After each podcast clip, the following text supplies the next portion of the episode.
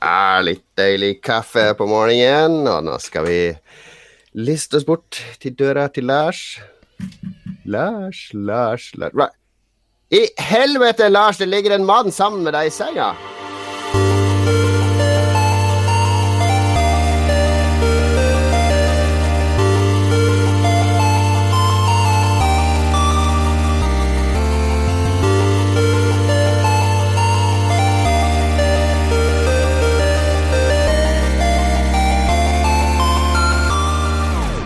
Helvete, Lars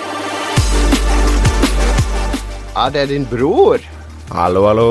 God morgen, begge to, og velkommen til episode 266. Vi kjører morgensending igjen fordi det var en sånn suksess sist, følte jeg. Hva syns du, Lars? Jeg syns det var konge. Mye god tilbakemelding. Folk liker at vi um, kjører sånn her rolig sommerstil nå.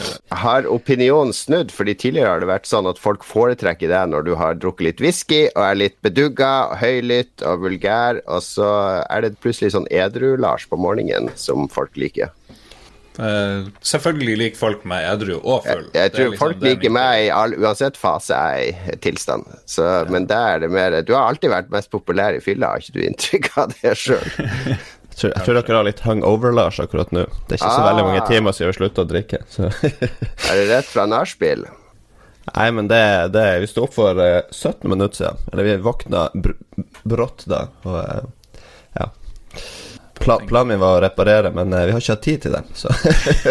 jeg satte klokka på ringe. Jeg satte to, to alarmer på å ringe, og ingen av de klarte å vekke meg før bror kom. Nå er det to minutter klokka er ni. Jeg bare shit, fuck, jeg må aktivisere.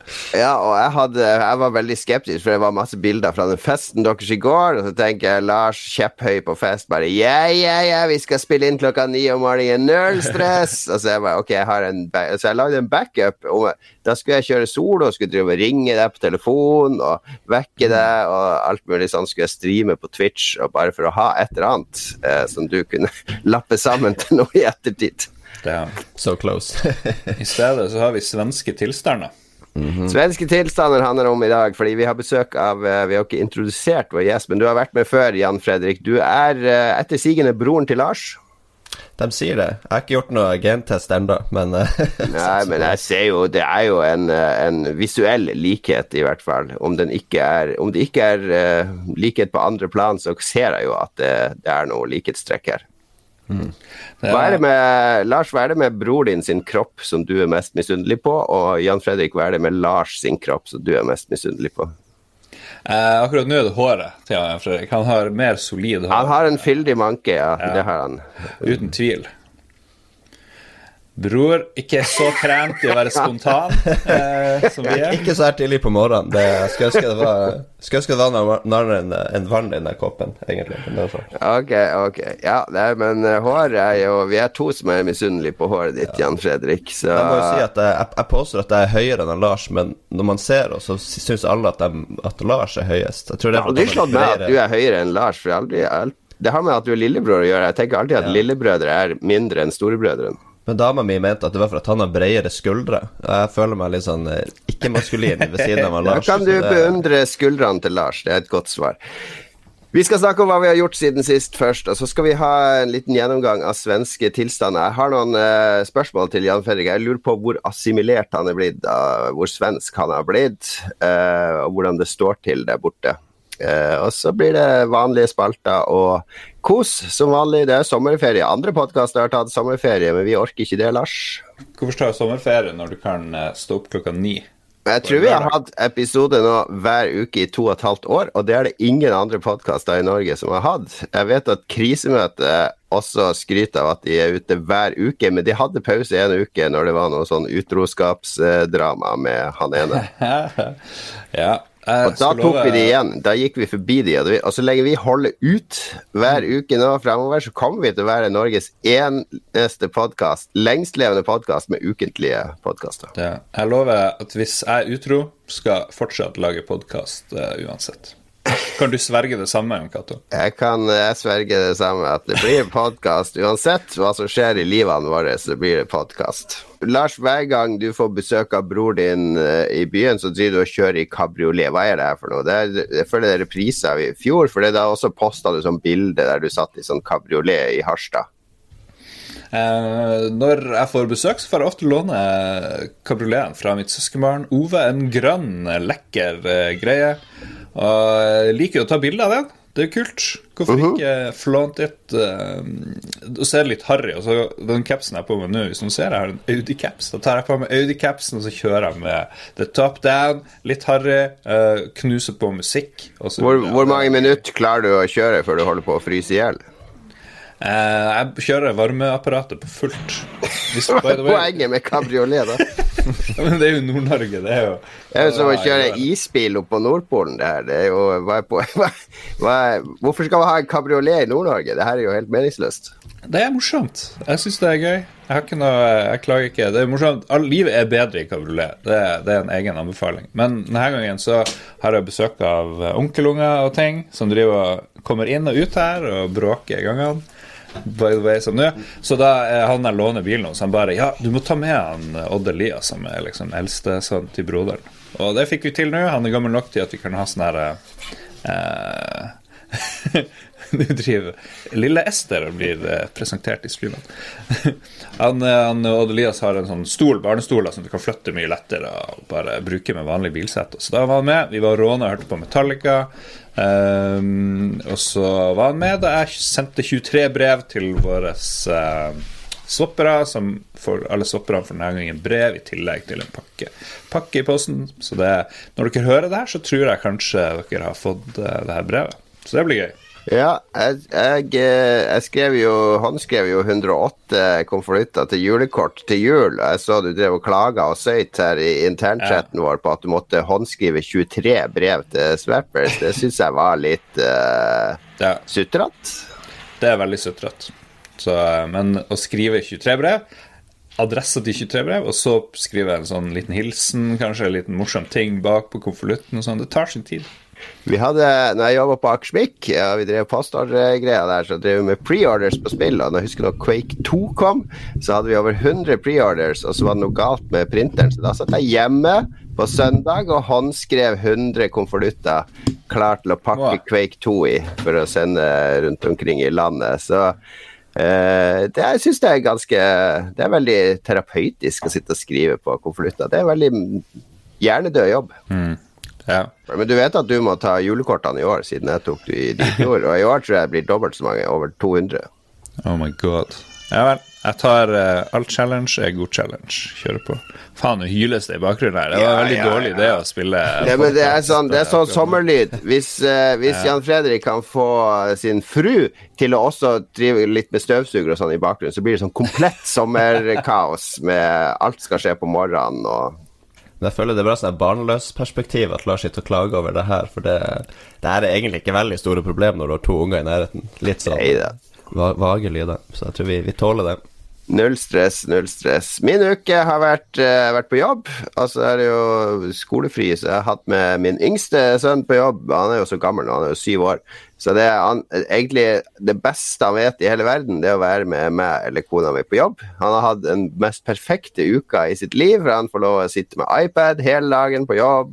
Sitte med litt Switch, spise litt godteri, spise lunsj, tøffe seg for de andre ansatte. Spiller Rocket League med gjengen i Hyper, som alltid spiller Rocket League etter uh, lunsj. Uh, så han har, hatt, eh, han har bare vært sånn solstråle hele uka. Altså Når du er så gammel som syv år, så Hans ideelle hverdag er jo å stå opp, slå på iPaden, og så sitte med den helt til han skal legge seg. Eh, bare få litt mat på et sånt fat att med iPaden av og til, og så eh, legge seg sånn sent på kvelden. Det er hans ideelle hverdag. Det er jo det som var, var vår ideelle hverdag da vi var små òg, var jo å sitte foran en skjerm hele dagen. Men akkurat når jeg må jobbe, sånn, så får han jo lov å sitte. Jeg må jo ha fred til å jobbe, så jeg kan jo ikke drive og aktivere han og tvinge han til å bygge Lego eller nå skal du fargelegge denne tegninga eller noe sånt. Det, det, det, blir, det sklir litt ut om sommeren. Det er derfor de har sånn aktivitetsgreier på Google. Det er bare for at de har med ungene sine hele tida. Ikke for at de ansatte, skal spille bordtennis. Antagelig. antagelig. Vi har ikke så mye aktiviteter på jobb. Kanskje vi skulle hatt litt mer sånn. Men det som jeg er virkelig opptatt med denne uka, det har Lars fått med seg. Jeg har fulgt med på General Fleischer-dramaet i Harstad. Det må jo være det mest dramatiske som har skjedd i Harstad noen gang. At noen satte opp en liten kasse rundt en statue som ingen i Harstad har brydd seg om på 30 år. Ja, det, var, det kom på VG, tror jeg, en video av en fyr som bare begynner å gå løs med sånn hjulkryss som du løsner mutterne på. Jeg må jo ha litt kontekst til de som ikke følger med her, fordi det har vært festspill i Harstad, og så er det et sånn eh, kunstakademi eller et eller annet i Tromsø som har et sånn prosjekt om ei kunstnerdame som heter Betzy et eller annet. Mm, ja. Eh, hun var en sånn nordnorsk kunstner som hadde med seg en svær kasse rundt omkring og malte landskapsmalerier i Nord-Norge. Og hun er liksom ikke så kjent, eh, og hele dette kunstprosjektet går ut på at vi har så mange statuer av menn rundt omkring. Så de bygger en sånn liten kasse rundt forskjellige statuer. De har bygd det rundt Roald Amundsen i Tromsø, og så bygde de rundt general Fleischer i, i Harstad, liksom for å påpeke denne skjevheten i hvilke helter fra fortida vi, vi, vi hyller. Og det har jo Harstad-folk har jo gått helt bananas pga. denne kassen og denne hån mot den store general Fleischer som eh, egenhendig kasta alle tyskerne ut fra Nord-Norge i starten av andre verdenskrig. ja, General Fleischer var jo den første i Norge og nesten i Europa som påførte tyskerne tap. Ja, det, det var det første. Det var det første. Under andre verdenskrig, så han er jo en stor stjerne i militære kretser. Men eh, Ja, Så ble han sendt ut av Norge og tok livet av seg like etterpå. Ja, han ble visst ikke så godt behandla. Nei, Han ja, drepte seg sjøl. Men skulle man tro eh, konservative harstadværinger, så er han jo etter Gud og Jesus så er han den største som finnes på jorda. Og det nøkkelordet i denne debatten, det var verdighet. Det er ikke verdig å drive og sette opp en trekasse rundt midja til general Fleischer og manipulere navnet på statuen til at det står Ja. Betzy. Det har en beskjed til alle harstadere. Vet du hva som ikke er verdig? Det er å gå i det jævla kommentarfeltet på Facebook på Harstad-Tine og syte og klage om alt mulig drit som ikke har relevans for fremtida vår i det hele tatt. Skjerp dere! Du har liksom de som er veldig fornærma, og så de som ikke bryr seg så veldig mye. Og blant de som var fornærma, så kom det jo en fyr med hjulkryss og knuste den der eska, og så var Han det holdt jo noen på å knuse hele statuen. og så, men- så noen som filma det, og så har det kommet på VG. Og sånt. Ja, og- det er det- magisk morsomt. Jeg tror de som er fornøyde, er jo kunstnerne. Altså, Ja, ja, det er jo så masse oppmerksomhet, det- Det er jo det er jo- akkurat det de er ute etter. Helt topp. Det beste med den videoen er jo på slutten, han, som en rabiat eh, gorilla han drev og røska og rev og slått i denne kassen, så stiller han seg opp foran statuen og gir den salutt. Jeg tror han gir salutt flere ganger, eller hva. Ja, men det første vi lærte i militæret, var at hvis du ikke har på deg lue, så skal du ikke ta hånda opp til bremmen, for da har du ikke noe brem der. Det skal ikke gi salutt uten lue, så her er jo tydeligvis en komplett idiot som ikke kan kjenne militær kutyme, som da skal drive og berge denne generalen. Jeg tror det er ganske mange kunstnere vil at deres kunstverk skal bli knust i all offentlighet og filma og delt og alt mulig rart. Jo da. Jeg mener, han knuste jo sitt eget kunstverk, gjorde han ikke det? Det var et bilde som hang på veggen i auksjonshuset, og med en gang det var solgt, så bare ble det dratt ned i en, print, en sånn her shredder.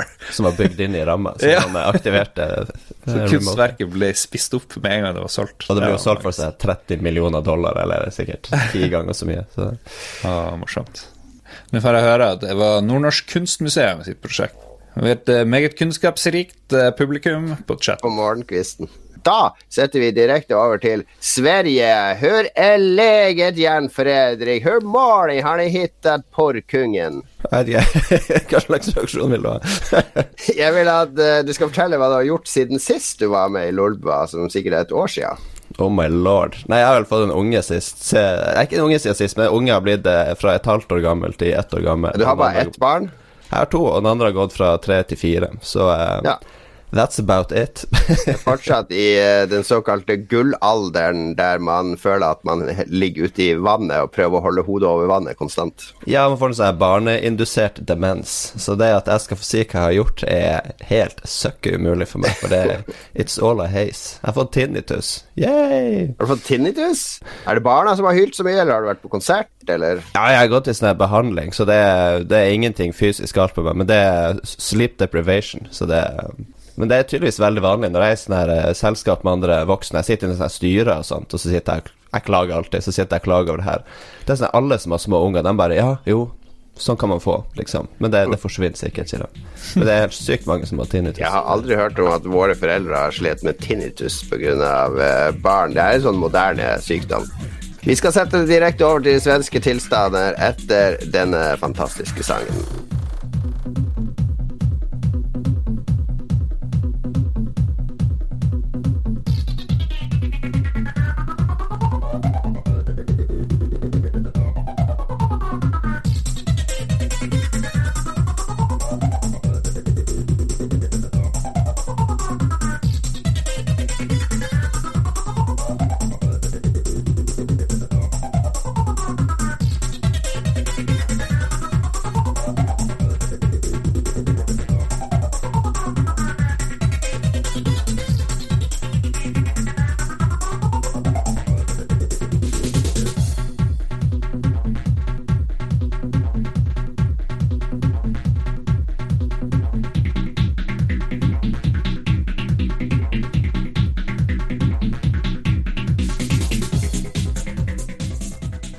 Ok, svenske tilstander. Det er uh, Nå skulle vi egentlig hatt Per-Willy Amundsen som uh, sidegjest her, fordi han kunne sikkert legge ut i det vide og brede om svenske tilstander og hvordan det har uh, flytta seg til Norge. Men vi har uh, vår, vår definisjon av svenske tilstander, Lars, Ja. er mye bredere enn bare det som Frp har som definisjon. Jeg tenker det er ganske mye svensk som vi kan se i Norge når det gjelder mote, når det gjelder butikker, arbeidsplasser, kultur osv. Ja, jeg så det jo sist jeg var i Göteborg. De er mm, kanskje litt mer seriøse eh, i Sverige, virker det Ja. som.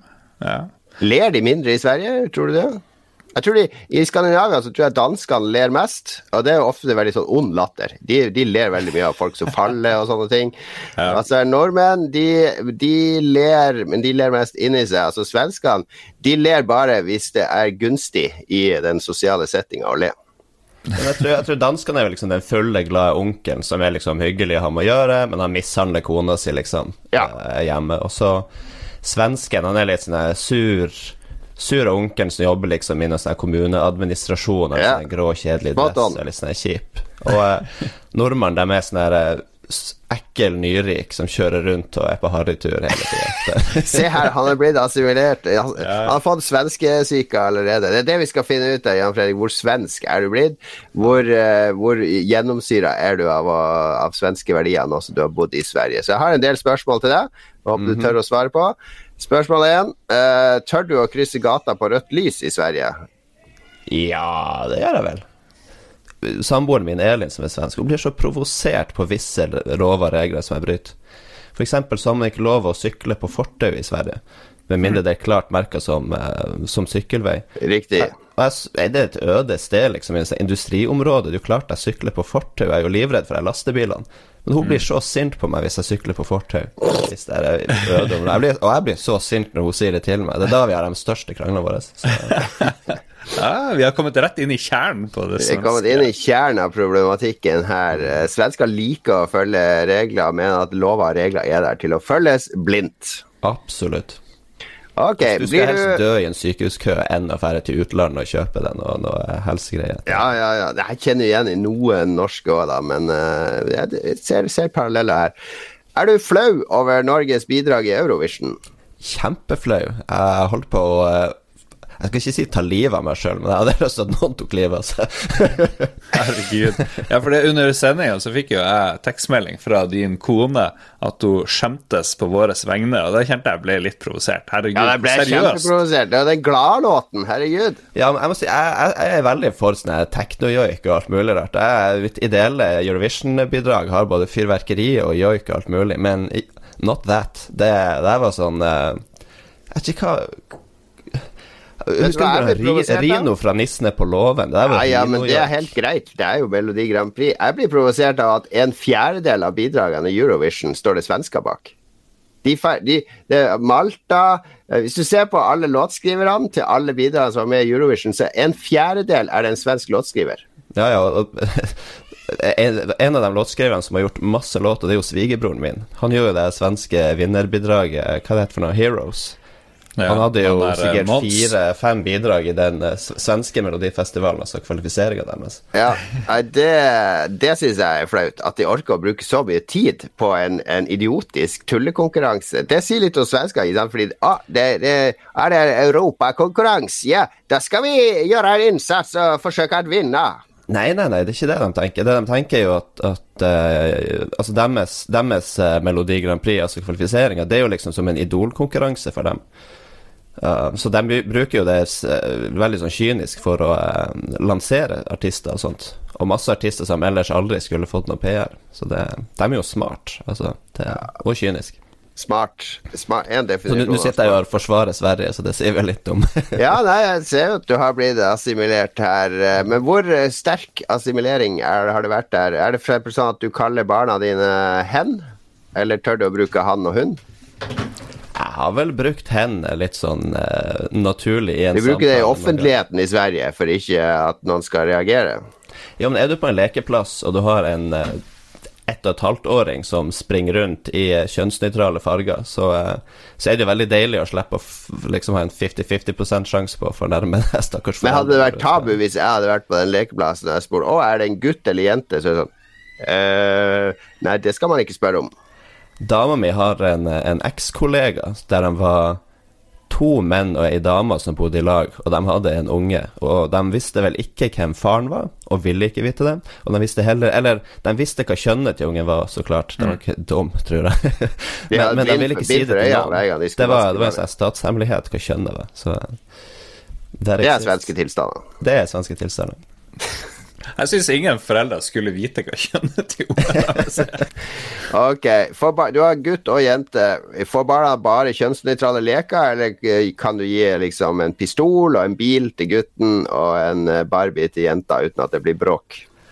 Ei greie er jo at slektningene kjøper jo eh, gaver til ungene, og eh, det, som jeg opplevde når jeg var ung, er jo at som lillesøsken så arver du jo alle lekene fra storesøskenet, så hun har jo bare sånne biler og sånt, så det Ja. Så ja, ikke så mye kjønnsnøytralt. Og hun har jo ingen rosa klær heller, nesten, da, så ja, mye blått. Når du går på gata i Sverige, unngår du blikkontakt med svenske kvinner for å minimere sjansen til å bli involvert i en metoo-skandale. Eh, det spørsmålet er jo hva jeg gjør som foreleser, for jeg foreleser jo matematikk for så er det 120 studenter. det er jo hot zone. Der, er det, der må du trå varsomt. Og der har jeg jo blitt innklaga for uh, Oi. Ja, men det var en gang som eh, det var, Og da var vi i sånn smågruppe. Da, sånn, da var det 30 stykker. da Og så var det og, og vi hadde liksom holdt på masse måneder, så vi kjente jo hverandre. det Tenkte jo jeg, i alle fall. Det var liksom fortrolig. Og så var det en sånn student som var litt sånn der eplekjekk, som var på tavla, så gjorde han noe helt på trynet. Og da, da sa jeg liksom for, Og det her var en sånn person som tålte det. Og da sa jeg til, til denne personen at det her dere har sett nå, det var voldtekt av matematikk. så, Oh. og da ble jeg innklaga, for da var det en som, eh, som hadde blitt utsatt for voldtekt, som mente hun fikk masse sånne flashbacks. Oh my god, og, det eh, hun gikk- Hun gikk, hun gikk i, eh, i gulvet av det, liksom. Så da fikk jeg jo legge meg flat. Og det, det, altså, jeg skal jo være litt mer forsiktig enn det jeg er, og jeg er veldig sånn ja, jeg forsøker jo liksom Det er matematikk for crying out loud. Jeg forsøker faen til å huske ting, så derfor må jeg liksom dra den litt ut iblant, tenker jeg. Men det, det har gått feil veldig mange ganger. Ja, det, er, Jeg har fortsatt jobb, så det er jo bra.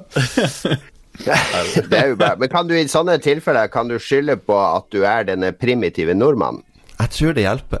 Ja, jeg, vil også De forventer ikke så mye fra meg. Så det, For det er akkurat som sånn, når, hvis jeg blir tatt i billettkontroll i Oslo, så er jeg sånn der eh, Nei, hva du sier? Var det ikke Men jeg, har jo jeg hadde jo kjøpt! Hvis, jo dummere nordlandsk aksent du legger deg til, jo lettere er det å snakke seg ut av den boten. Så det er bare å dra Oluf. eh, Ja, jeg kjører full Oluf. Jeg har alltid en skinnlue i bagen. I tilfelle det kontroll, så er det rett på med den, litt sånn svart over tedderen, og så Hæ, det skal du ikke Lars! Lars, vet du at det ikke er lov å kjøre her? Snakker du sånn der Skavlan-svorsk når du kommuniserer i Sverige, eller holder du på den norske dialekta di?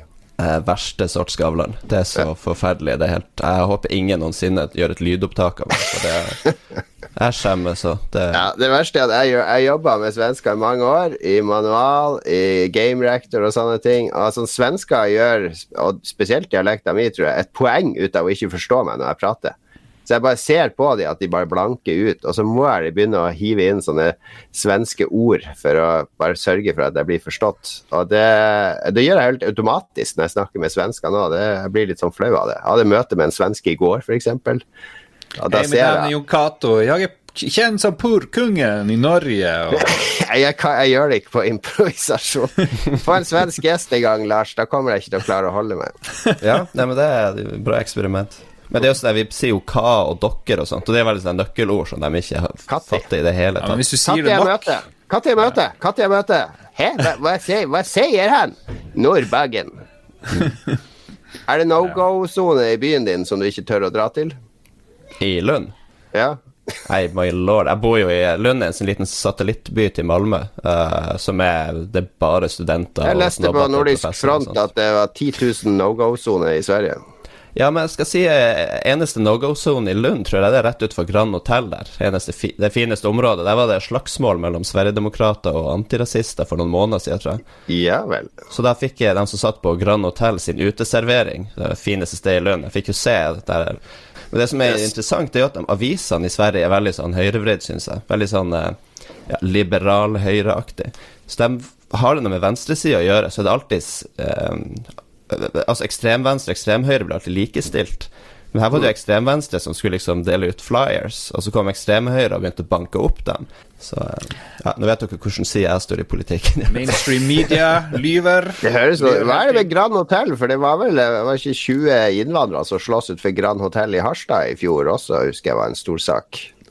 En bra måte å få, få PR på, kanskje. Ja. Jeg tror, det, jeg tror de For når du, eh, du ser for deg hvis du skal dra og slåss, så drar du utfor Grand Hotell, for da ligger det sikkert en uteservering med litt kaffe og litt bagetter og sånn, og så kan du liksom spise mens du slåss og Ja, for det skjedde i Oslo en gang. Eh, Jeg hadde vært ute og drukket masse, eh, veldig full. Skulle ha nattmat på Burger King, og var så full på Burger King, og så var det varmt ute. Så jeg stilte meg ute og skulle spise burgeren og drikke brusen min, som jeg hadde på en sånn her uh, høy palle attmed en lyktestolpe. Og så Plutselig begynte det masse folk å slåss i Karl Johans gate der. Og så jeg bare, ok, jeg gikk litt mer bak den pallen og fortsatte å spise burger. Og da kom det en bort, tok brusen min og daska den i hodet på en annen fyr så det spruta brus og isbiter overalt. Jeg bare Hei, det var mitt brus! Uh, ok, bare ta den. Det er greit. Jeg klarer meg uten brus. Elsker kona di deg til tross for at du er norsk, eller har ikke det noe å si? Eh, til tross for. Absolutt. Det var, det var sikkert en issue hun måtte overkomme før det ble noe seriøst. For det var litt sånn, når jeg begynte å date min kone, så har vist meg de gamle chattene hun hadde med venninnen. og sånn, jeg har vært ute med bla, bla, bla. Altså, det er et stort poeng at han snakker nordnorsk, da. Det er, det er sånn negativt.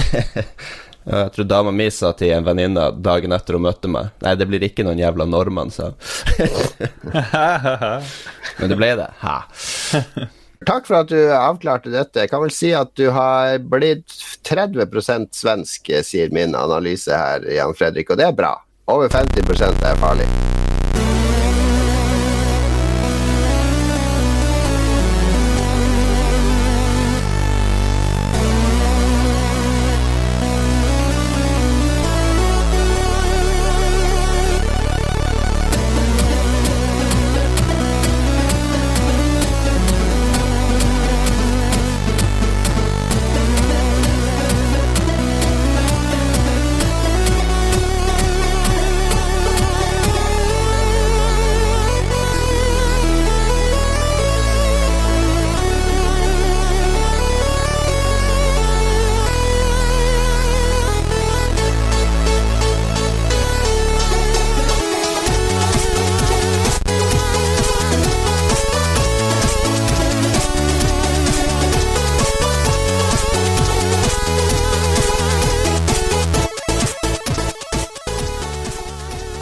Kommer den eh, nok en, eh, eller den spalten der eh, Jan Fredrik sier pass, for da skal vi snakke om hva vi har spilt siden sist. Ja. Nei, men jeg har sittet og panikkspilt nå i det siste, så jeg, har, jeg kommer til å ha litt, litt innspill. Ja, ok, men Da kan du begynne, da, Jan Fredrik. Du er spent på hva, hva du har spilt siden sist. Ja, eller jeg kan jo si at jeg har spilt veldig mye Civilization 6. Det er liksom sånn utvungen. Det er, -hmm. Men det jeg føler meg så utdatert. Jeg kan ikke sitte og prate her om Civilization 6, for det har dere vel pratet om for åtte år siden på en podcasten. Ja. Men eh, Så da satt jeg og panikkleita litt, og eh, fant masse spill som jeg hata. Um, jeg vet ikke om jeg skal prate så mye om det. Men det er et sånt helt nytt spill som heter Worse Than Death. Og det var min opplevelse når jeg spilte det òg. Det var Worse Than Death, så uh, styr unna. Det er noe sånn der uh, Litt sånn der Broken Age. Det var jo kult. Uh, Um, old school uh, adventure-spill, ser det ut som. Ja, litt sånn, det ser nesten ut som sånn Lucas, uh, Lucas Ja. Arts, uh, et eller annet. Men det her er Worse Than Death. Det var, det var veldig mye sånn uh, touchy-feely. Det var en uh, Jeg tror det var sånn Jeg tror målgruppa egentlig var mer samboeren min. Litt sånn der uh, feminint, for å si det sånn. Jeg vet ikke. Jeg f- innså jo når jeg spilte det her, at, at jeg vil jo helst at karakterene i, uh, i de her spillene, hva enn slags spill det er, at de skal være helt følelsesløse roboter, og så skal ja, ja. jeg få lov å føle, og jeg får lov å, og liksom bare ja, gjøre ting, i stedet for å måtte lese side opp og side ned om hvor eh, lei seg karakteren blir for de ulike tingene som skjer i spillet. Så det, jeg klarte ikke det. Eh, men jeg fant et kult nå som jeg satt og spilte. eh, Men før du går videre, eh, du vil at eh, karakterene i spill skal være følelsesløse roboter. Gjelder det Jeg vet ikke Hvis eh, Monkey Island hadde vært eh, en følelsesløs robot, Det hadde blitt veldig lite humor og, og ikke blitt noe særlig spill eh, ut av det, liksom. Jo, men jeg tenker Altså, jeg, jeg, jeg har ikke tenkt så veldig mye over det her, så jeg kan sikkert analysere mitt utsagn og take it apart. Men jeg tenker, om man tar Zack McCracken, for eksempel, som alle har spilt Altså, han får jo rundt og surra og hadde gassmaske på seg på Mars og alt mulig. Han drev jo ikke og fikk nervøs Du tenker først og fremst på protagonisten, altså at han bør være en blank slate som du kan projisere deg sjøl på, i stedet Ja, for jeg at han pro er- protagonisten skal være et nervevrak eller uh, drive og gråte hele tida, og du bare ah, ta deg sammen. det skal ikke ta for mye plass. Altså Sånn som uh, Om vi tar Monkey Island, han eh, Guybrush uh, Threepwood altså han, han er jo litt morsom og sånt, og litt sånn smånervøs, men, men du er fortsatt du som spiller som må gå rundt timevis og trykke på ulike piksler. Jeg skjønner poenget. Ok, men du fant et spill du likte? Ja, og det er kanskje Jeg vet ikke, jeg er jo matematiker og sannsynligvis autist, men uh, det her heter Jeg må sjekke hva det heter. Det het uh, Total Party Kill. Og det var veldig populært i går når vi hadde fest òg. Uh, drev og sendte rundt telefonen min, for det var Det er eh, Hva skal vi si RPG-puslespill. Så du har tre karakterer. Du har en knight, du har en eh, ranger, og du har en eh, wizard. Og du får en skjerm, og på den skjermen så er det en dør, og så er det noen hinder, og du skal få dem, i alle fall én av dem, ut døra.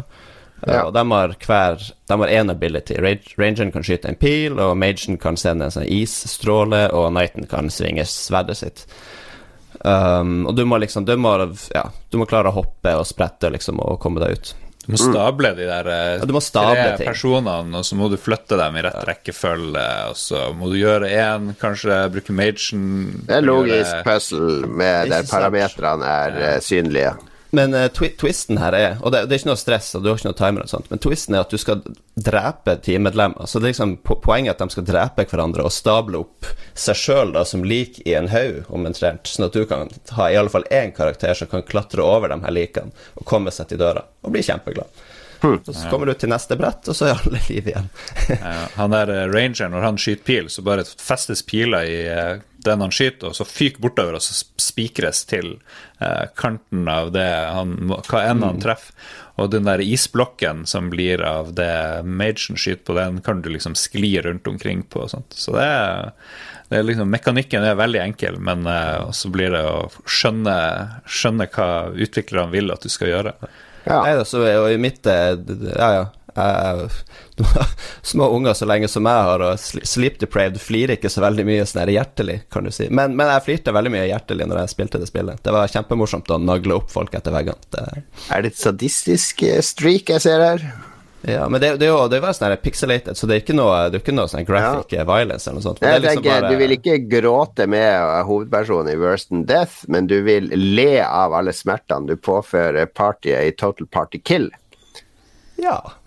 Ja. helt enkelt. Vet ikke, man trenger adspredelsen. Og det er også det her med at det, det er små brett, helt konkrete ting å gjøre, og du kan eh, skru det av og på. uh, når du har unger som kommer springende, eller du skal drikke en øl, f.eks. Bra.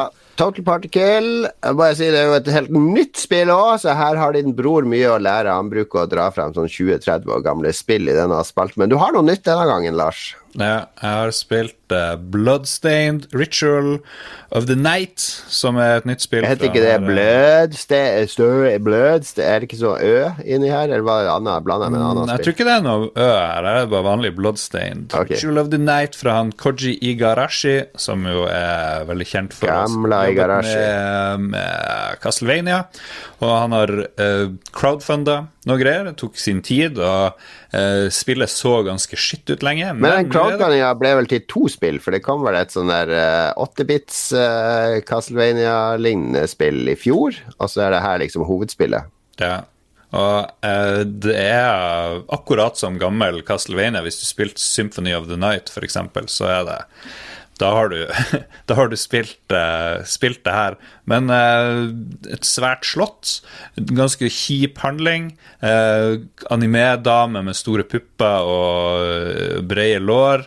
Um, litt Hofte, sånn der det er vel hoften som er breie, ikke lårene. Ja, ja, hoften. Skipperen han har breie sånne underarmer. Jeg er ikke så god på ge geometri.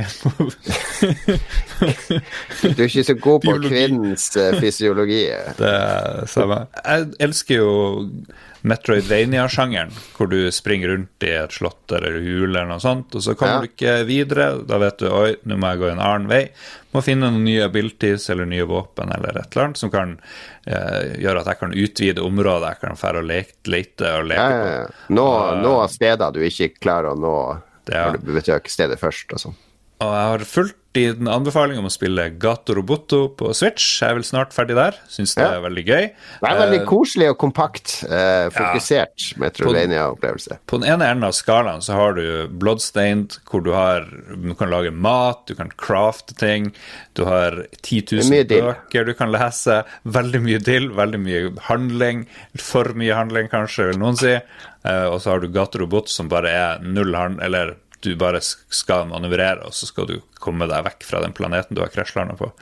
Og det, jeg kan like begge delene. Det, det er som ulike matretter. Men det var veldig deilig å komme tilbake til et sånn svært, svært, svært kart med 10 000 ting og 1000 fiender. Og litt sånn rar mekanikk.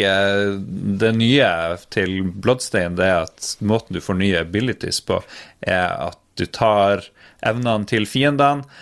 Ok, det er kanskje ikke så nytt, men måten det presenteres er litt sånn disgusting, muligens eh, seksuelt, fordi du penetreres av en sånn her eh, fallosforma krystall.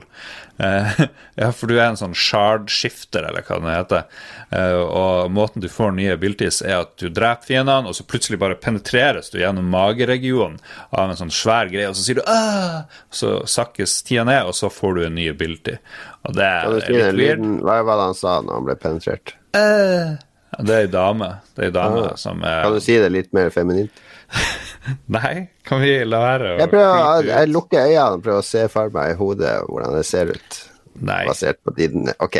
Nei. Eh, Er det noe dere lurer? Hovedpersonen heter Miriam i starten, og hun er en sånn for jeg var snuste på det spillet på Steam, og så, så det kosta sånn 400 kroner pluss. Og det er ok, ja, det er umiddelbart Og nå er ikke jeg Jeg mener jo at spill skal koste, men umiddelbart min hode hadde jeg tenkt at det her er kanskje sånn 290 kroner maks type spill, og nå høres jeg ut som en eh, sånn her kjip forbruker, men, men er det, føles det som et sånn fullprisspill? Eh, mm, Både og. I størrelse og, og ambisjon så er det et fullprisspill, men det virker litt som at de har fått Unreal Engine og gjort det litt sånn enkelt, hvis du skjønner hva jeg mener. Det er ingenting enkelt med å bruke Unreal Engine eller Unity eller hva som helst, hvis, du, hvis man, noen går rundt og tror det. Men sånn, eh, den følelsen du får når du spiller Shadow Complex, f.eks., et sånn enkelt spill hvor du springer frem og tilbake med parallax-scrolling, og så er hovedpersonen er i midten av skjermen uansett hva du gjør. Ja. Det er sånn, de, de, det er ikke teknisk sykt, sykt, sykt komplisert, tror jeg. Det er det ikke. Nei, nei. Jeg får Jeg, får, eh, jeg har det på wishlist, men jeg har nok å spille akkurat nå. Men vi må jo snakke om Du kalte det Metroidvania. Eh, det er jo i, i disse mer uh, sosialt bevisste spillmediene så har det vært en debatt nå om vi bør avskaffe det uttrykket. Oi, hvorfor det? Det har ikke jeg fått med meg. Eh, nei, dette kommer vel fra Kotaku eller der omkring, eh, som jeg liker Kotaku veldig godt, men noen ganger så har de litt sånne rare debatter, fordi det handler om Hvis du snakker om Metroidvania-spill, så folk som ikke er veldig inne i spill Jeg vet ikke om, eh, om din bror Jan Fredrik skjønner du hva et Metroidvania-spill er? Ja, jeg tror Jeg husker når jeg, jeg var i, i, Oslo på 90-tallet, da jeg var kjempeliten, så var vi hjemme hos deg, faktisk, i uh, leiligheta di, på uh, hvor nå enn det var. Uh, og da satt du og spilte um, Hva heter det for noe? Um, Symphony of the Night? Nei, ikke Symphony of the Night, men du spilte en av, uh, en av dem som kom før der, i alle fall, på uh, Snes eller noe sånt. Ja, ja, ja. På japansk, til og med, tror jeg. Kan det stemme? Det var min uh, hipsterperiode. Ja, det min spillhipsterperiode. Jeg syns ikke det så så spennende ut, men jeg ble, jeg ble Nei, men det, det, brukes jo om sånne spill sånn som Lars beskrev, der du har en uh, karakter som gradvis får nye, nye, nye krefter eller nytt utstyr som gjør at du kan gå liksom på kryss og tvers av kartet og, og låse opp mer og mer. Mm. Uh, og, og, folk mener Eller Kotaku eller noen kommentarer Spørsmål, må det være 2D? Nei, det må ikke det. Du har 3D Metroidvania-type spill òg. Men at det er et, et uttrykk som, uh, som, ekskluderer de som ikke kan så mye om spill. Og min umiddelbare reaksjon på det var jo at hvorfor skal Altså, hvis du går i musikken, så har du ting som grindcore, mathcore Altså, du har en hel rekke undersjangre som hvis du ikke er inne i f.eks. metal-sjangeren, så klarer du ikke å differensiere alle de 50 undersjangrene av metal. Så det er jo ikke noe galt i å ha en Det er jo en veldig beskrivende Altså, folk må jo kunne ha Google. Altså, Meninga med å ha sånne begrep er jo at du kan si noen ting på en veldig kort tid, og så kan folk ja. google det hvis de ikke vet, eller får det forklart. Ja, det føl altså, noen ganger føles det som spill, og folk som driver med spillformidling, har et veldig sånn mindreverdighetskompleks og et veldig behov for at ting skal være så accessible som mulig for absolutt hele verden, sånn at alle er med på en måte. Ja, nei, nå må folk slutte. Det... det... høres veldig rart ut. Det er jo bare å google det. Ja. All right, jeg skal ta mitt spill. Det er også et japansk spill uh, som kom på Switch tidligere i år. Det heter Dandy Dungeon Legend of Brave Yamada. Uh, og det er, det er, et spill som opprinnelig kom på mobil, tror jeg i fjor eller i forfjor, fra en fyr som heter Yoshiro Kimura. Og Yoshiro Kimura er Jeg liker han veldig godt. Han er en litt sånn obskur japansk utvikler. Han lagde det spillet eh, på Vi eh, Hva heter det spillet der du var en sånn Little King Story, eller hva det het for noe? Spilte du det, Lars? Mm, det, jeg husker navnet, men uh, ja, jo, jeg tror jeg spilte det. Ja, Little King Story lagde han, så det er kanskje mitt favorittspill på Vi, der du er en liten konge som har sånne soldater som følger etter deg, så går du rundt og, og låser opp mer og mer av kartet og erobrer mer og mer områder. Veldig rar blanding av uh, Pikmin og japansk rollespill og byggespill osv. Og, og han lager veldig sjarmerende spill, og også Daddy Dungeon er supersjarmerende. I spillet så er du en spillutvikler på 37 år som sitter hjemme i trusa og lager et uh, puzzle-rollespill. Uh, så det er to spill i ett. Det ene er der du er han spillutvikleren hjemme i leiligheta i trusa. Uh, og det andre er når du playtester alt han lager i spillet sitt. Så det er progresjon og et narrativ. Han har en nabojente som han er forelska i. Så når, første gang han møter henne, så bare åh, jeg må lage han en prinsesse i spillet, da, som er hun. Og jo mer han klarer å redde prinsessa i spillet, jo mer forelska blir naboen i han, tenker han. Veldig mye sånn nerdehumor, altså sånn eh, otaku-type humor. Og eh, pikselgrafikk. Og musikken er helt fantastisk, for det er blanding av chiptunes og synging. Masse sang, sang på engelsk og sånn. Jeg skal linke til en låt der, så du kan klippe inn uh, i podkasten, uh, Lars. Tittellåten. Tittellåten alene gjør det nesten verdt det. Men grunnen til at jeg begynte å spille på Switch, for jeg spilte den på mobil, men det var jo et gratisspill på mobil, så det var en hel masse sånn der jeg måtte kjøpe mat for å liksom fortsette, at han skulle klare å fortsette å programmere, kjøpe sånne ris, uh, rispakker og sånne ting som han kunne spise for å få energi. Mm. Og sånne ting som kommer i veien for min glede av å spille ting, pluss at jeg har veldig problemer med å spille sånne spill som skal vare veldig lenge på mobil. Det er ja, hvis det ikke er bare 100% Tetris-puzzle, så jeg kan spille, plukke opp og spille nå og da, så orker jeg ikke. Så på Switch så gjør det seg mye bedre, for der har de fjerna alle de free to play-elementene. Så det er liksom en uh, balansert med at du mm. bare betaler jeg tror det koster 200, og så spiller du og Det er ganske, ganske langt spill, ganske mye som skjer, og veldig mye morsom sånn her spillhumor. Gamer-type humor. Mm. Ok. Nei, men nå lokker du meg inn i Dandy Dungeon. Mm -hmm. Dandy Dungeon. Og de dungeonene altså du, det er ikke et rolle Dungeon er sånn rutenett der du skal tegne ruta til helten gjennom rutenettet, og aller helst sånn at du går innom hver eneste rute i rutenettet før du går til exiten. Så du må liksom gå gjennom monster for å ta de, og skatter og health, og så har du sånn items du kan bruke for å Så health potion eller type magi. Og så må du planlegge ruta di. Eh, du har 30 sekunder på å planlegge den, og så må du liksom bare passe på helten din mens han går gjennom ruta og hjelper han. Så jeg syns det er veldig, veldig kult opplegg. Veldig artig, sjarmerende, supermorsomt. Sjekk det ut. Dandy Dungeon, Legend of Brave Yamada, Bloodstained og Jan Fredrik sin anbefaling her var Total Party Kill. Ah, nå ble det mye meg i monitor, føler jeg. Føler jeg prater hele tida, Lars. Du er så stille her fordi du er bakfull. Uh, litt bakføl. Jeg drev og tenkte også at jeg måtte nevne angående Bloodstain at eh, det er visstnok veldig dårlig, det er dårligst på Switch. Og så tenkte jeg etter det og da er det PC og PS4-versjonen som er best. Um, og Switch det jo, hadde jo vært perfekt for stressa barneforeldre. Ja, Fredrik. For da kan du ta med Switchen overalt hvor du går, spille litt, få den litt nå og da. Jeg tror jo egentlig keep it simple. Jeg tror IOS er eller telefon er enklere, da. Men ja, eh, kanskje. Bare glem det. glem det. Det var, det var ikke ukas anbefaling fra deg, Lars, for den kommer nå.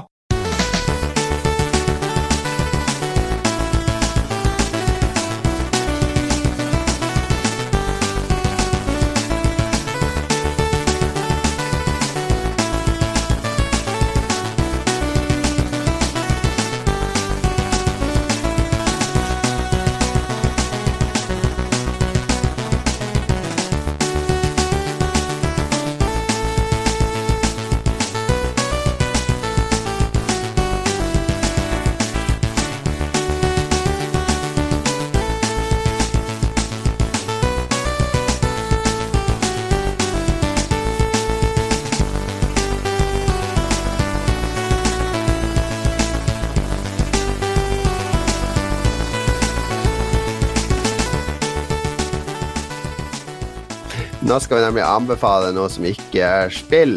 Uh, og helst noe som ikke er svensk heller, Jan Fredrik. Vi, vi må holde det norsk her.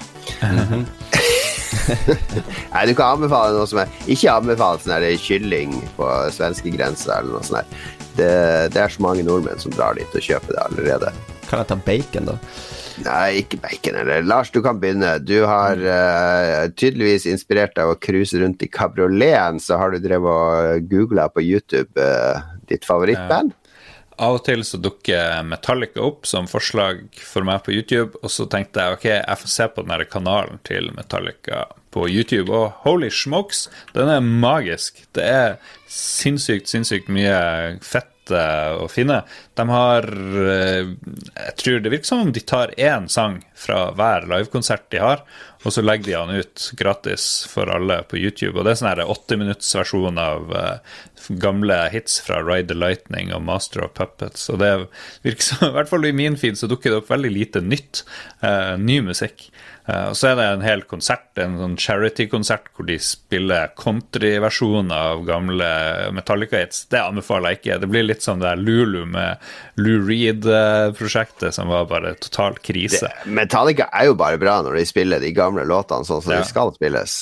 Det, det er et, uh, jeg fikk en link her fra en kompis uh, der Metallica prøver å spille When Doves Cry, altså den prinslåten i mm. Minneapolis rett etter prins døde. Det er noe av det jævligste jeg har hørt i mitt liv. Så ikke, ja. ikke gå på YouTube og søk på Metallica When Doves Cry. Da, da, jeg, da, da tror jeg din, din estimering av Metallica synker med mange hakk.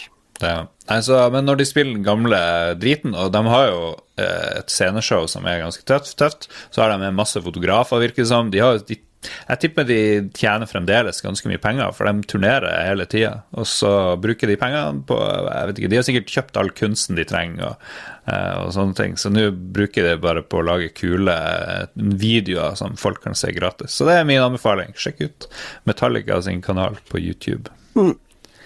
Jeg skal anbefale Jeg så en film med min kone her om dagen som jeg kjøpte på iTunes, som heter Climax. Eh, det er den franske provokatør Gaspar Noé som har laga.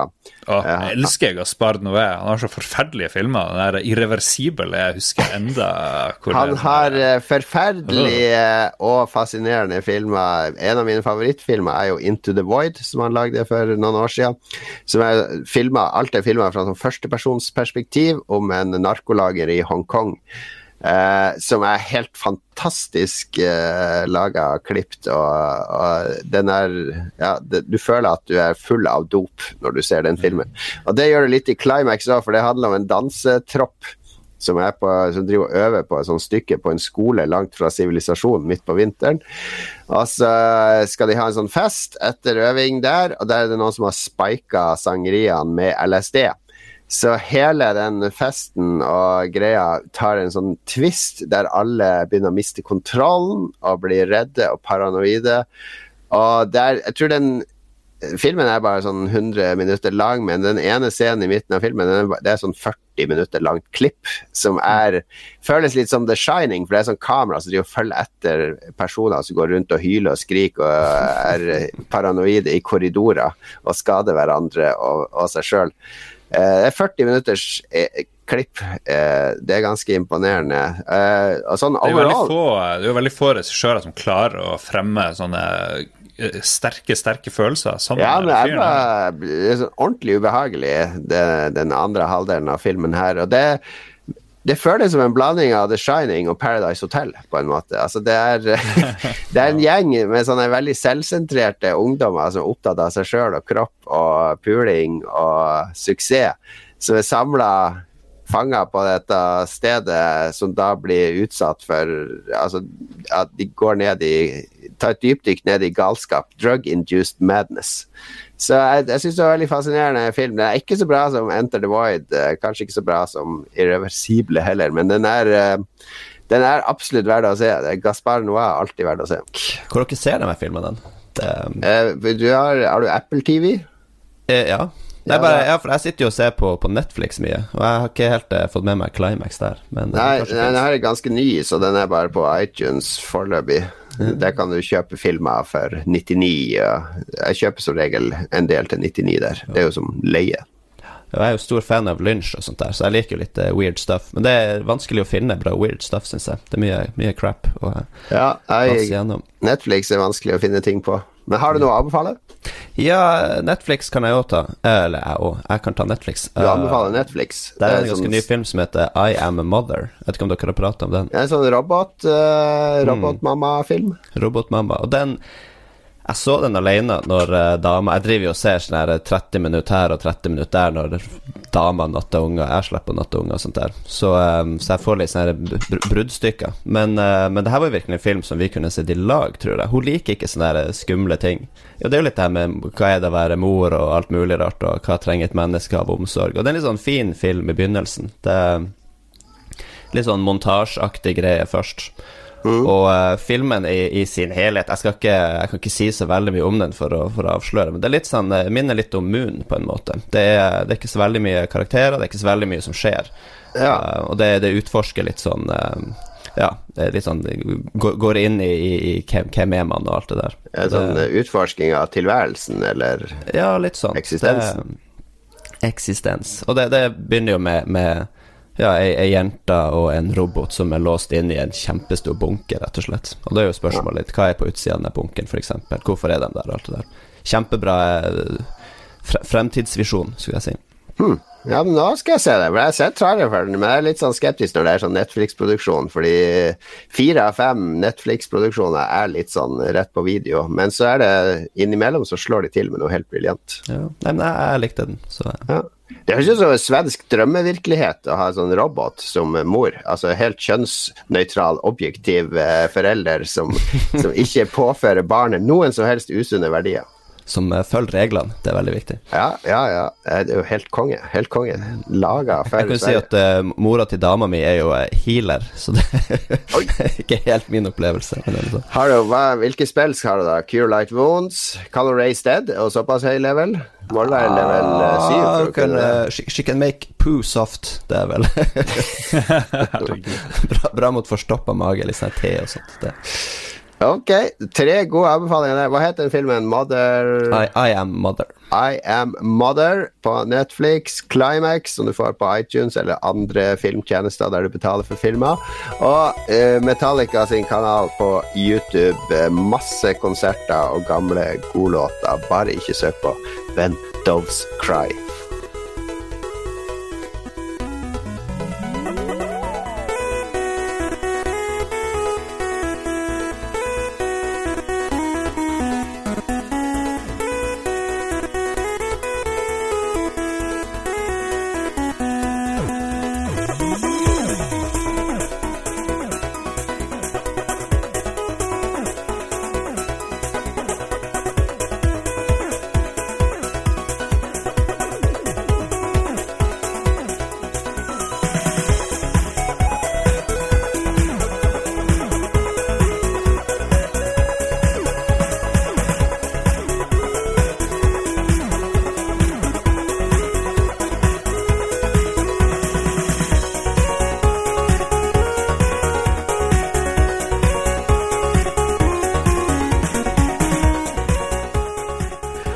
Lytterspalten, så skal jeg kaste meg inn i bilen og kjøre åtte timer til Vestlandet med familien. Jeg hører min kone går og murrer litt utenfor døra her og pakker mens jeg sitter her og koser meg med gutta på morgenkvisten. Eh, Så nå får jeg høre det i bilturen på åtte timer. Det ofrer jeg for Lolbua, Lars. Ja, det er bra. Men det er to barn som blir neglisjert her rett utenfor døra. Og Ja, De springer og funner den der og sånn rubber chicken som de klemmer på, så det blir gøy for lytterne å høre i bakgrunnen. Torbjørn Praus Skau, vi er, går rett på lytterspalten. Eh, Vi hadde morgensending og ganske bra respons. Du putta den ut midt i partytida i går. Putta du ut en sånn her shoutout til vårt entourage, Lolbua Entourage på Facebook, der du kan være med hvis du vil kommunisere mye med oss. Uh, yo, folks, hva skjer nå? Du skrev ikke akkurat det. Nå prøvde jeg å si det på den folkelige måten du prøver å fremstå i sosiale medier. ja, ja. Du har slutta å skrive på dialekt, forresten. Du skriver sjelden på dialekt i entourage. Nei, det jeg prøver bare ikke skrive 100 dialekt, um, for det, det er jo en begrensning. Du tok til deg kritikken min, med andre ord. Jeg fikk veldig mye kritikk for dialekt. Nei, men jeg har ikke gitt opp. Jeg skriver på dialekt hit og dit. Men jeg prøver liksom å finne den rette balansen, da, sånn at eh, folk ikke skal få lyst til å drepe meg. Ja. Jan Fredrik, når du tekster med Lars, skriver du på nordnorsk dialekt, eller skriver du bokmål?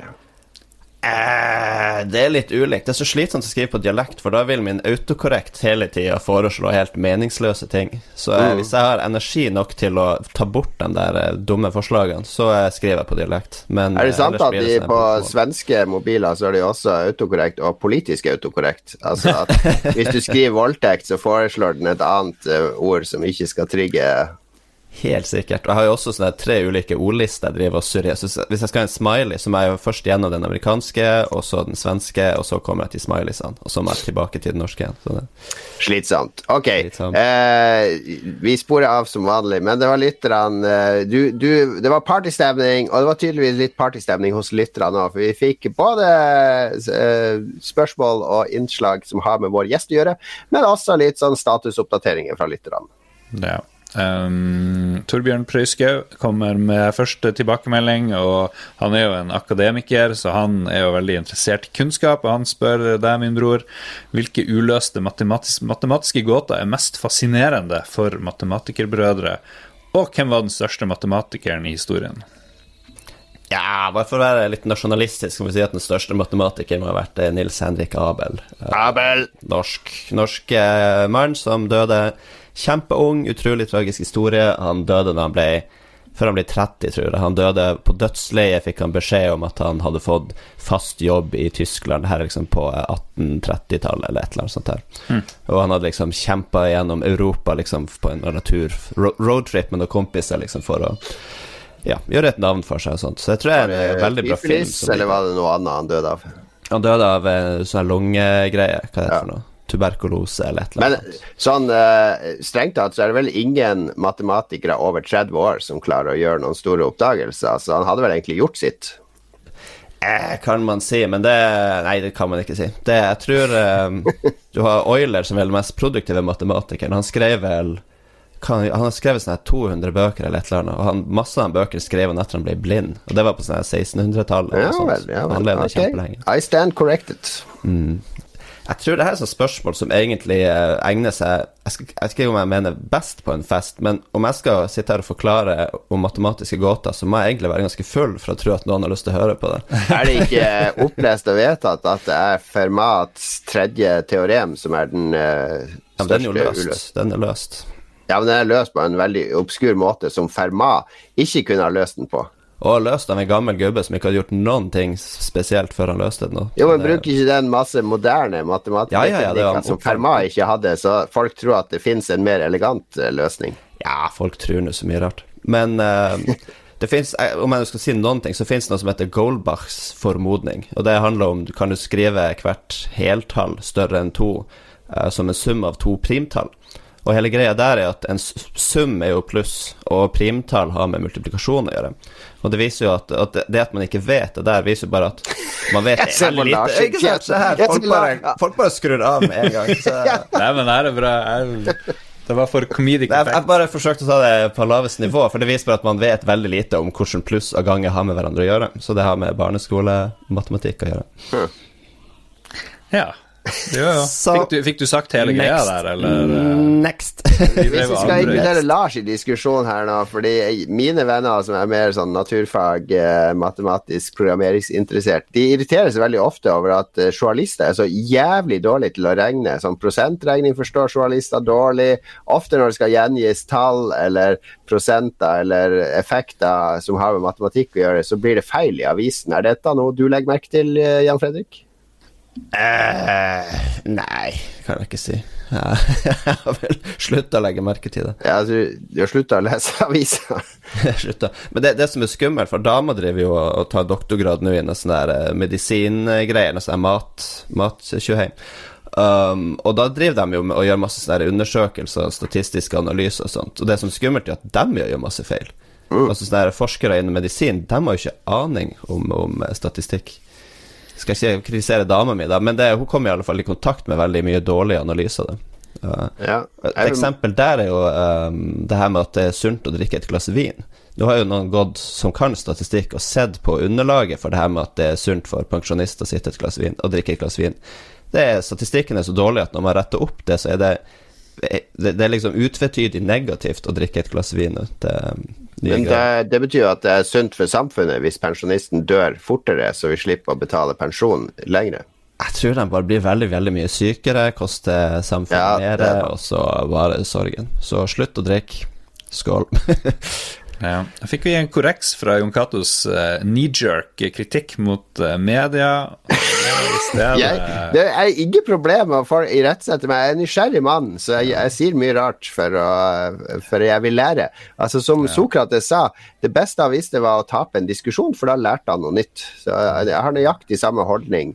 Og Skal du se på internett nå generelt, så er det helt motsatt holdning folk bare oppsøker ting som bekrefter det de tror på, i stedet for å utfordre sine synspunkter. Men jeg kan jo bekrefte at uh, folk som er journalister, er ganske dårlige på matematikk. Men det tror jeg gjelder kanskje veldig mange andre i samfunnet òg. Jo, det er det jeg mener, at akademikere er vel minst like dårlige som, uh, som journalister, tror jeg. Ja, nesten. antagelig. Jone Skjørvestad sier at Jon Cato syns uh, Jan Fredrik er så grinete. Hvorfor syns han uh, det? Det var vel noe jeg sa i forrige episode. Ja, ja. Og dette er jo Her kommer jo lederrollen inn, da.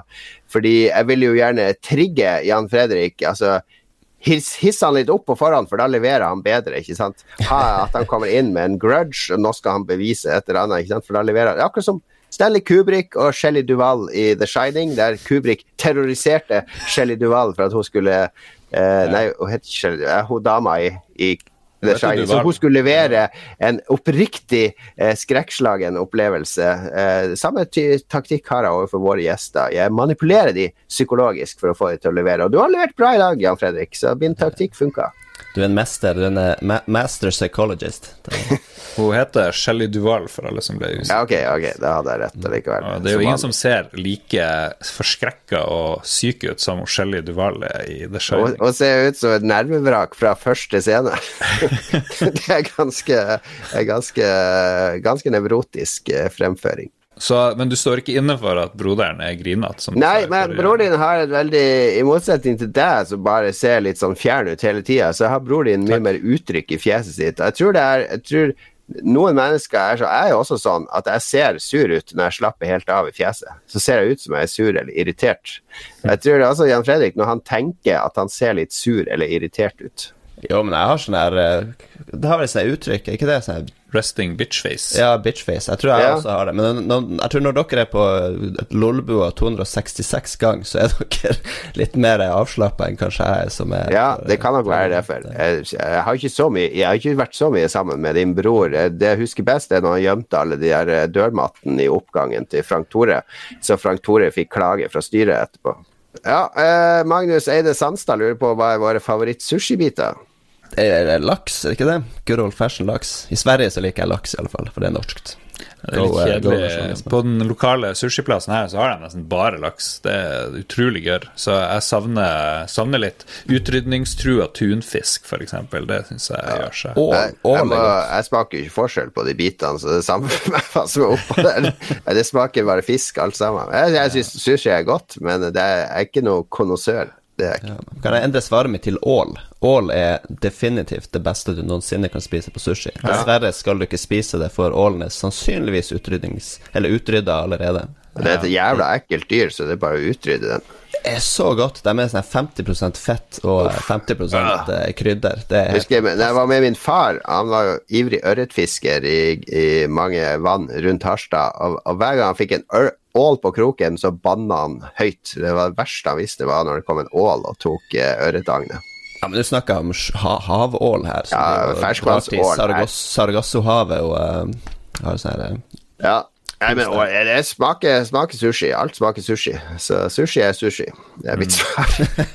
Eh, Jeg går for eh, sånn her butterfish, tror jeg det, husker jeg. Det var noe våre venner danskene er veldig uh, det er butterfish. Men- Tempuramaken er eneste som skiller seg ut. Det er godt, men det er ikke sånn ekte sushi heller, da. Det er jo sånn fritert uh, Når du er i Japan, så kan du få masse sånne glassaktige meitemarker, liksom, klumpa i hop med en sånn sushirett. Det er godt. Og de har alle sånn svart lite øye, så det er åh, Ok, Nå driver ungene i bakgrunnen og går amok her. Vi må eh, Ja, Ungene i bakgrunnen lurer sånn som Vegard på om uh, hva et eh, Googleplex er. Ja, hva er det for noe? Jeg vil si eh, rygg, eller refleksen min å google litt, men jeg tror det er en ti 10 opphøyt i 100. Så jeg tror det har 100 nuller, om jeg ikke tar helt feil, og så tror jeg det skal representere antall partikler i universet. Er det ikke den eh, Det er en sånn morsom video på, der, du kan, der det er noen folk som sier Hei Siri, uh, how many zeros in a Googleplex? Og så sier Siri sånn One zero zero zero zero zero zero zero zero zero zero zero zero i to minutter. Ja, kanskje. Jeg vet ikke. Jeg, 10 opphøyt i 100 er en- Det er kanskje en Google? Nei. Nei, en Google. Ja. Uh, Andreas eh, live podcast. Ai, ai, ai. It's bad, it's really bad. Andreas anprøver vil at vi skal kjøre alt på svenska i denne podkasten. Hva sier ni, grabbar? Kjør litt Kjør! svenska. Kan ikke jeg få lov å prate norsk en Vill i ni åka mer? Vill ni åka snabbare, grabbar? Prate svenska? Uh, Nei, vi og, kan ikke det, Andreas. Veldig jeg vil dårlig absolutt ikke gjøre det. Eh, Knut Ivar Hestå, så han kom med en sånn festoppdatering i går da vi sendte ut spørsmål. Han har laga ni liter rabarbrasaft i fylla. Det høres ut som det kan gå fort galt. Er, er, noen, er det smakt rabarbrasaft noen gang? Hva smaker rabarbra, egentlig? Rabarbra er veldig surt hvis du ikke har noe Syrlig. ja. Men det Jeg har sikkert godt. brukt flere kilo er sukker oppi der òg, da. Har du ikke spist rabarbrapai, eh, Jon Cato? Tror ikke det, jeg er sikkert allergisk. sikkert allergisk. Ingen allergisk mot rabarbra. Um, Øystein Reinertsen lurer på hvem i Lolbua som kan gro det største, beste skjegget i løpet av seks måneder eller et år. Kanskje mer en utfordring enn spørsmål. Gidder vi det, er jo spørsmålet. Oh. Don't, don't yeah. go there. Ta, ta bart. Jeg Altså, tror hvis vi- Dere kan få seg fjonger på barten. Eller? Nei, nei, det er fælt. Jeg tror hvis vi tar uh, hele redaksjonen så er det jo klart Dag Thomas ville få det mest Ja. vikingaktige skjegget. Ja. eh, Et, og det tror jeg det dårligste skjegget ville da blitt Katarina, selvfølgelig. Vi skal ikke skille mellom kjønn. Hun ville vært det dårligste. Hvis vi skal skille mellom kjønn, så tror jeg Christian har ganske sånn pistrete uh, rødt skjegg som Ja. ikke vil imponere. Ja, har sett han med skjegg, men det er ikke imponerende skjegg. Det er litt sånn eh, metroseksuelt skjegg for han. Jeg begynner å tenke hvordan Ståle sin skjeggvekst Han har jo skjegg, men det er liksom Jeg tror Ståle ikke har sånn skjeggvekst Nei. på siden og sånn. Han har latt det gro i 30 år uten å barbere seg. Det han har. Ja, omtrent. Ja. Eh, Men apropos utfordring, det var noen i Entourage som lenka til en novellekonkurranse eh, i Nord-Norge hvor du kunne vinne 50 000, eller noe sånt. Det er, en sånn, eh, det er i samarbeid med avisa i Tromsø og forfatterstudiet i Tromsø som jeg har gått på. Og de eh, åtte beste bidragene blir med i en sånn cup, og så er det noen lesere eller folk, vanlige folk for å avgjøre vinneren. Der burde jo vi eh, melde oss på, syns jeg, Jon Cato. Jeg, ikke, jeg bor jo ikke i Nord-Norge. ja, men du trenger bare nordnorsk tilknytning, så enten du bor der eller du er fra Nord-Norge, så kan du være med. Men jeg har jo ikke bodd i Nord-Norge på 30 år. Ja, men Du snakker jo nordnorsk, gudskjelov. Men Slutt å være så vanskelig. Men Det høres ut som du ikke vil være med. Men jeg vil Jo, jeg, jeg, jeg hadde lyst til å være med, men jeg tror jeg blir diskvalifisert. Altså, tror jeg Hvis jeg skulle komme langt i den greia der, så er det en eller annen idiot fra Ballangen eller noe sånt som sier Ja, han her er kultureliten i Oslo. Skal vi konkurrere mot kultureliten i Oslo nå? Ja, han skulle ikke vært med! Det var jeg som skulle vært med! Jeg tror det er kun kultureliten som gidder å være med på denne konkurransen. Ja, det er det nok også. Men det er masse arbeidsledige i Nord-Norge, så det er bra tiltak for de at de kan være med på konkurranse og vinne 50 000. Det er kjempelav arbeidsledighet i Nord-Norge, så vi må bare parkere de fordommene dine. Det er ikke fordommer, det er eh, Ok, da. Det er fordommer. Ja, ok, men vi kan uh, gå på Google, nei, Google, uh, Lolbo Entourage og finne noen lenker. Så skal jeg prøve å bearbeide Jon Cato og se om vi klarer å lure Google ut Google Entourage, der finner du mye rart. Uh, Adrian Haugen, hvilke fordeler og ulemper er det med å være boende nordmann i Sverige? Eh, fordelen min er at førerkortet mitt varer i 100 år. Vet ikke om det er nordmann, eller at det vet jeg er litt gammel nordmann, egentlig. Før i tida i alle fall så varte jo førerkortene uendelig, mens svenskene må oppdatere det sånn hvert femte år eller et eller annet sånt. Oi. Mm. Så på mitt førerkort så står det 'valid to eh, 2081', tror jeg. Det er jo gull. Er, føler du at svenskene er misunnelige når du viser frem det? De jeg tror ikke på det, i alle fall. Og så står, står de som spørsmålstegn og snur førerkortet mitt rundt fem ganger i alle fall, før de bare Ok. og det sier kanskje at det er ikke så veldig mange fordeler med å være norsk der, men det, det er jo min fordel. Det er, ja. er. Eh, Ulemper, da? Hva er det du savner mest fra Norge? Og... Jeg savner mest ulempen er jo de der spørsmålstegnene. Eh, eller at folk blir helt tomme i blikket når jeg for en gangs skyld prøver å si noe på norsk. Sånn som jeg var i butikken, og så skulle jeg kjøpe bacon, og så fant jeg ikke det, for jeg var i en annen butikk som jeg ikke var i så ofte. Så spurte jeg en sånn person der Eller var han i bacon? Og da sa jeg det jo på, eh, på svensk også. Og han bare fatta ingenting jeg sa. Så fikk han tilkalle en annen fyr, og så sto de bare og så på hverandre og fatta ingenting. De måtte tre personer til, for de innså at ah, bacon! Du vil ha bacon? Bare, ja, jeg vil ha bacon. De bare nei, nei, nei, bacon. Du måtte ikke mime en gris og, og ta deg til låret og, og liksom det, strimle? var, det var weird. Jeg hadde tre stykker i en Ica-butikk som ikke fatta når jeg sa bacon. Og det, det bare sier litt hvor jækla vanskelig det er å gjøre seg forstått iblant. Jeg Hvis du skulle lage YouTube-kanal som heter Nordbaggen i Sverige, altså filme, gå med GoPro overalt, og så tar du sånne her opplevelser og legger ut på YouTube. Ja. Det hadde vært noe. Det er sånn her eh, Ja, det er sånn horror, horror story. Nordmann i, nordmann i Sverige, nye YouTube-kanalen. Veldig bra. Eh, Rolf Helge Øvergård Ingebrigtsen er en av våre produsenter. Bli produsent du òg. Gå på patrion.com slash lolbua og gi oss penger. Penger, penger, penger. Kjør på. Han sier Crash Team Racing i sofaen er det de gjør i går, da de spurte, og han lurer på eh, hvor mye kan man skylde på AI-en, og hvorfor jukse den? Ok, jeg burde hoppe over spørsmålet til Rolf Helge Ja, Ståle, et vårt redaksjonsmedlem Ståle Balvinson eh, har slengt inn en ironisk kommentar. Ja, blir konge. Nok en podkast uten griseprat. All right. Nei, men da er vi ferdige med lytterspalten, egentlig. Ja, vi har en igjen, Jan Håkon, som han var på Tiesto i går, på Palmesus. Han hadde det sikkert kjempegøy der, for han er jo sånn DJ, eh, house, techno, eh, elektronikamann. Men han lurer på om vi kan snakke sørlandsk resten av episoden, og nå er det så lite igjen at det kan vi vel egentlig. Ja, min sørlandsk er jo drit. Den er jo mer dansk. Kan Hallo? prate litt stavangersk. Det er, det er Stavanger. Hva? Stavanger er Sørlandet. Det er good og, good og bra det blir å prate sørlandsk ut episoden. Uh, ok, vi er heltene fra Lolbua. Vi takker for oss. Ja, vi takker våre produsenter. Hva de heter for noe, Lars? Produsentene våre de heter TTMXMP, Kobrakar84 og eh, Rolf Helge, som vi nevnte tidligere. Herregud, nei, jeg kan ikke det Stay in character nå. Og vi takker vår svenske gjest. Skal jeg prate stavangersk?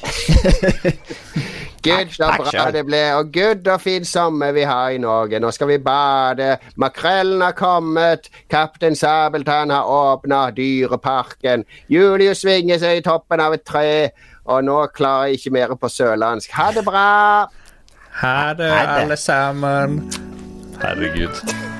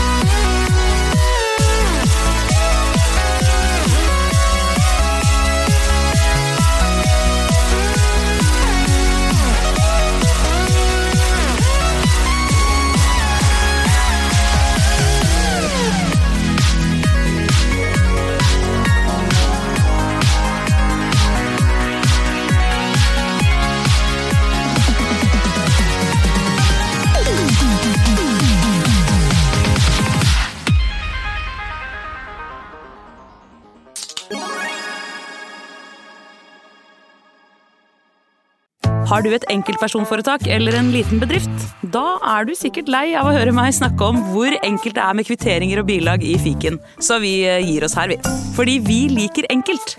Fiken superenkelt regnskap.